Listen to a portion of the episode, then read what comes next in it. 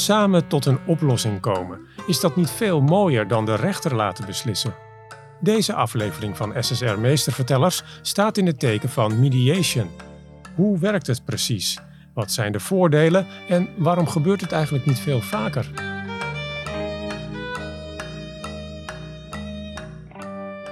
Mediation in het recht. Dat kan goed helpen om een zaak op te lossen en voor een goed gevoel zorgen bij alle partijen.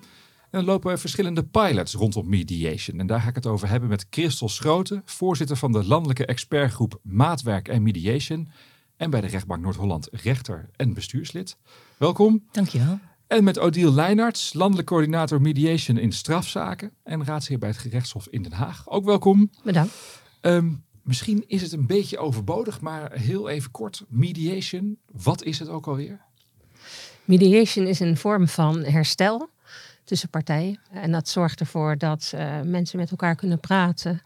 En uh, mensen met elkaar ook afspraken kunnen maken over de toekomst bijvoorbeeld. Hoe gaan we verder met elkaar om of ja. juist niet? Je gaat echt met een onafhankelijke partij zitten en met elkaar in gesprek, toch? Ja, ja het is een vorm van conflictbemiddeling. Met het doel inderdaad om uh, ja, de band tussen partijen te herstellen. Of in ieder geval werkbaar te maken ja. voor de toekomst. Um, jullie houden je op, het, op een eigen manier bezig met mediation. Uh, jij in strafzaken, daar komen we zo. Christel, jij in eigenlijk alle andere zaken. Uh, wat, wat zijn dat voor andere zaken? Nou, de meeste mensen denken bij mediation aan familierecht, dus echtscheidingen. Maar bij civielrecht, bestuursrecht, uh, bij insolventierecht, bij faillissementen bijvoorbeeld, als er geprocedeerd wordt tegen de bestuurder bijvoorbeeld. En bij ja, wat ik een heel mooi uh, voorbeeld vind bij bewindzaken. Kan je eens een voorbeeld geven? Nou, wat ik echt een mooi voorbeeld vind, is dat um, twee broers met elkaar in conflict waren over hoe de, uh, zeg maar het vermogen van de vader, die Alzheimer had, nou, hoe dat uh, door die ene broer, want die was de bewindvoerder, hoe dat werd afgewikkeld.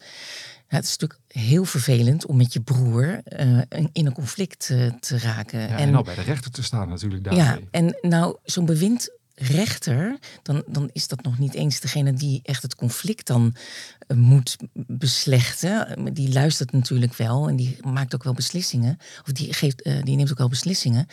Maar uh, die rechter die heeft die twee uh, broers naar mediator uh, gestuurd. En die zijn eruit gekomen. En dat heeft ongelooflijk veel goeds gedaan in de relatie. Maar ook, en dat vind ik ontzettend belangrijk. Stel ervoor dat dat niet was gedaan.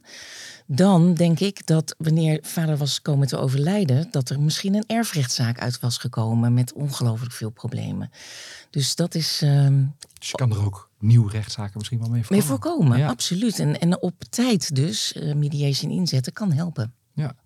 En in strafzaken wordt het dus ook ingezet. Zeker. Um, ja. Kan je daar eens een voorbeeld in geven? We hebben een zaak gehad waarbij een mevrouw een uh, kassamedewerker van een uh, medewerkster van een bouwmarkt had mishandeld. En waarom had ze dat gedaan? Ze had een stuk hout gepakt van een plek waar stond dat er veel korting op dat stuk hout zat. En bij de kassa bleek dat dat niet zo was. En toen uh, werd het dus een best wel heftige mishandeling van de kassajuffrouw. Want ze waren het duidelijk niet met elkaar eens. Ze waren het duidelijk niet met elkaar eens, want er zat geen korting op dat stuk hout. Um, ze zijn samen in gesprek gegaan met twee mediators, uh, verwezen door het uh, Hof. En uh, daar hebben ze begrip voor elkaar gekregen. Er was veel frictie tussen die twee. En ze hebben het met elkaar uitgesproken dat het een uh, miscommunicatie was. En wat het goede was uh, van de zaak was dat die kassamedewerker, die zat sinds deze mishandeling ziek thuis, die durfde niet meer naar haar werk. Want die dacht, iedere klant kan mij zomaar mishandelen. En doordat ze deze mediation hebben gedaan en goed hebben afgerond, was zij niet meer bang. En kon ze gewoon weer aan het werk bij, uh, bij de bouwmarkt. En uh, ze kwamen bijna gearmd de zittingszaal in toen de strafzaak uh, nog moest worden behandeld en afgedaan. Ja. Zo prettig gingen ze daarna dus met elkaar om. Wat is eigenlijk de rol van het OM in dit alles? Het OM is dus het Openbaar Ministerie. De officier van Justitie is degene die de meeste zaken verwijst naar mediation in strafzaken. Ik geloof uh, 99% van alle, alle zaken die naar mediation worden verwezen, komt uh, van het Openbaar die Ministerie. Die nemen vaak eigenlijk het initiatief. Ja. Want als een rechter besluit tot een mediation traject, ehm, hoe gaat dat in zijn werk? Um, dat gaat zo in zijn werk dat de rechter of de officier van justitie de zaak kan verwijzen naar uh, mediation. Dan wordt het opgepakt door een mediationbureau. Bij ieder gerecht in Nederland is een mediationbureau. Uh, het mediationbureau gaat bellen met de verdachte. En als de verdachte wil meewerken, ook met het slachtoffer en hun advocaten. Als ze allebei mee willen werken, dan wordt de zaak eh, verwezen naar twee mediators. Die gaan dan op, het, op de rechtbank of op het, in ieder geval in het gerechtsgebouw een gesprek aan. Waarbij de mediators eerst nog even checken of het echt wel zo is dat de verdachte wil meewerken en het slachtoffer ook. Bij de verdachte is belangrijk om te zeggen dat hij verantwoordelijkheid moet nemen van wat er is gebeurd. Dat is een belangrijke voorwaarde. Dat is een belangrijke voorwaarde. Want als hij zegt, uh, ik heb dat helemaal niet gedaan, dan heeft een herstelgesprek geen zin. Uh, dan gaan ze in gesprek met de uh, mediators. En als ze daar samen uitkomen, als het leidt tot een positief resultaat, dan wordt er een slotovereenkomst opgemaakt. En die wordt later in het uh, procesdossier gevoegd. En daar kan de rechter dan rekening mee houden op grond van artikel 51 H lid 2 van het wetboek van strafvordering. Ja, nou, nou kan ik me ook voorstellen dat nou, mensen moeten natuurlijk bij een rechter verschijnen. dan praat je met de rechter niet meer met elkaar, want die band is dus uh, niet goed. Of in een strafzaak natuurlijk uh, ligt dat nog anders.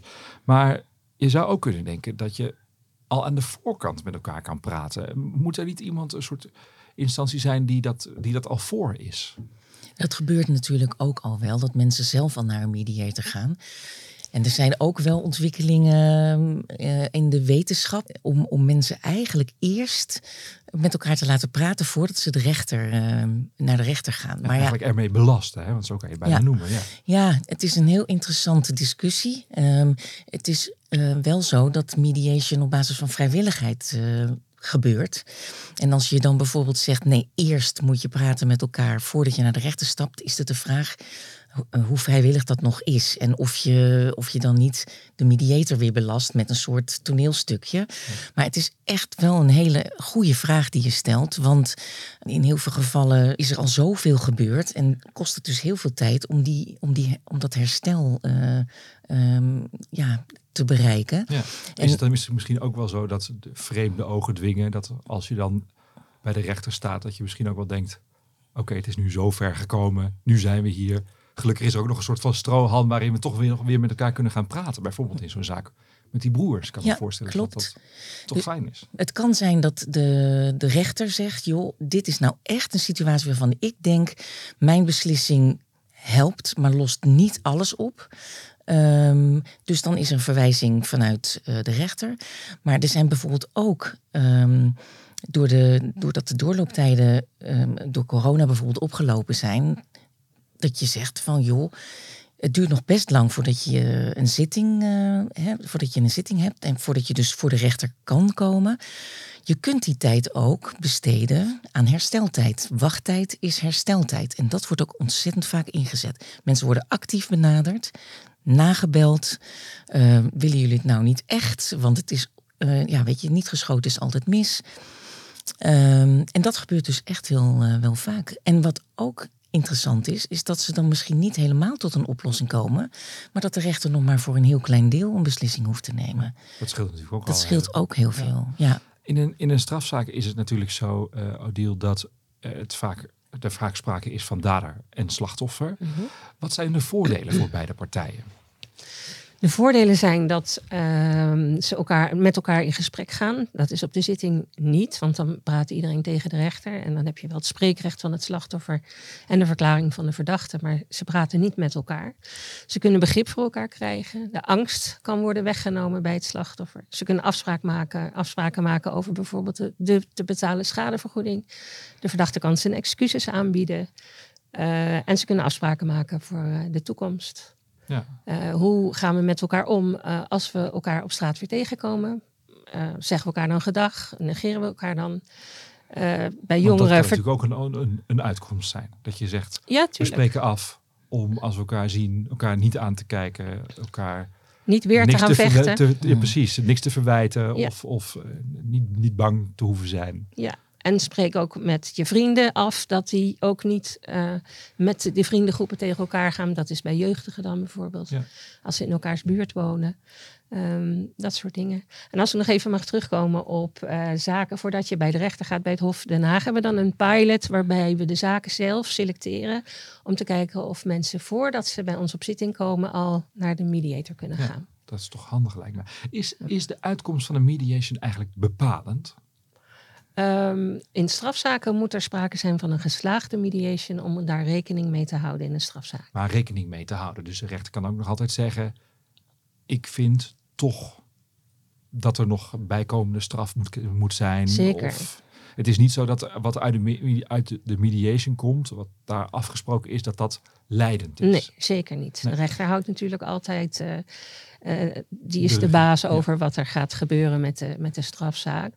Maar het is wel een, met een positieve um, uh, mediation, met een geslaagde mediation houdt hij wel in positieve zin rekening. En hoe die dat dan doet, het hangt ook af van de ernst van het feit, uh, allerlei omstandigheden. hoe is het in die andere ja, zaken? Ja, precies. Dat is uh, um, een, uh, partijen kunnen dus zeggen: we hebben een uitspraak van een rechter niet meer nodig. Mag dat, mag dat dan ook? Of mag ja. de rechter dan nog steeds zeggen: nou, ik vind hier nog nee. wel iets van? Nee, dat mag. Ja, ook door rechters wordt het ook wel gezien als, als een mooie uitkomst. Want um, ja, als rechter geef je natuurlijk eigenlijk altijd maar één partij gelijk als je het heel uh, plat slaat. En um, ja, dan, dan kan het zijn dat één partij daar echt ongelukkig mee is. En je kunt als partij wel denken dat je gelijk hebt. Maar bij een rechter is het niet altijd zo dat je ook gelijk krijgt. En bij mediation heb je daar veel meer zelf de regie in. En echt samen tot een oplossing komen. Zijn er eigenlijk ook nadelen? Ik kan ze even niet bedenken namelijk, maar... Ik kan ze ook niet bedenken. nou wel, nou het, het, het, het, het kan zijn dat, um, dat je in een mediation traject uh, bent met iemand. Maar goed, de mediator moet daar natuurlijk ook heel goed op letten. En dat wil ik benadrukken, dat alles wat vanuit de rechtspraak verwezen wordt naar mediation, zijn het altijd kwalitatief goede mediators. Ja. Um, maar het, het, je kunt je een situatie voorstellen dat je toch het gevoel hebt dat je, dat je niet helemaal kan zeggen wat je wil ja, zeggen. Dat je niet gehoord wordt. Dat je niet gehoord wordt. Um, dat je misschien ook weet, wel onder druk gezet wordt. Nou, ik weet dat er, dat er ook wel geluiden zijn. Um, dat mediation bijvoorbeeld in vechtscheidingen echt niet um, wenselijk zouden zijn.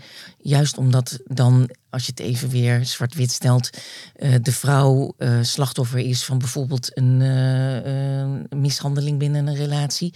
Ja, wat doet dat binnen, binnen zo'n mediation traject? Ja, maar over het algemeen, en daar zijn ook onderzoeken, er zijn ook echt, echt, er wordt veel onderzoek naar gedaan, is de uitkomst heel bevredigend voor de partijen. Ja. ja. Um, Als ik daar nog even op ga aansluiten, er loopt ook een onderzoek um, waaruit de uitkomst is dat het uh, in strafzaken recidive verminderend is. Oké. Okay. Um, en nog even op, op die strafzaken inzoomend. wat zijn nou bij uitstek goede strafzaken voor mediation? Alle strafzaken komen in met een slachtoffer natuurlijk, komen in aanmerking voor mediation. Het maakt dus eigenlijk niet uit. Uh, maar ook hele ernstige ook delicten. hele ernstige delicten.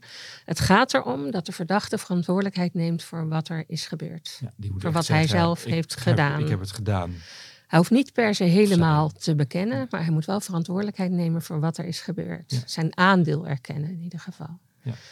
Dat is het eigenlijk. Um, en want ik kan me ook voorstellen dat er bepaalde zaken, dat daarop geselecteerd wordt. Waarvan jullie denken, nou, dit zijn nou zaken waar we bijvoorbeeld heel snel uh, kunnen mediaten en waar het ook heel snel klaar kan zijn.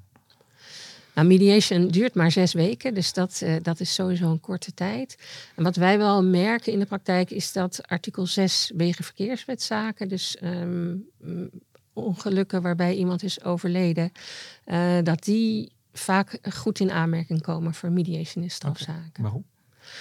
Um, diegene die dat zware ongeluk dan heeft veroorzaakt, ging ook niet s ochtends de deur uit met het idee van um, dit gaat gebeuren vandaag. Nee, dat is en dat is met andere strafzaken misschien ook niet zo, maar toch ligt dat wel iets anders, denk ik. Ja, daar is natuurlijk ook schrik. En en spijt Ja, waarschijnlijk enorm een, een, Ja. een, een, doorslaggevende Ja. emotie. Ja. Ja.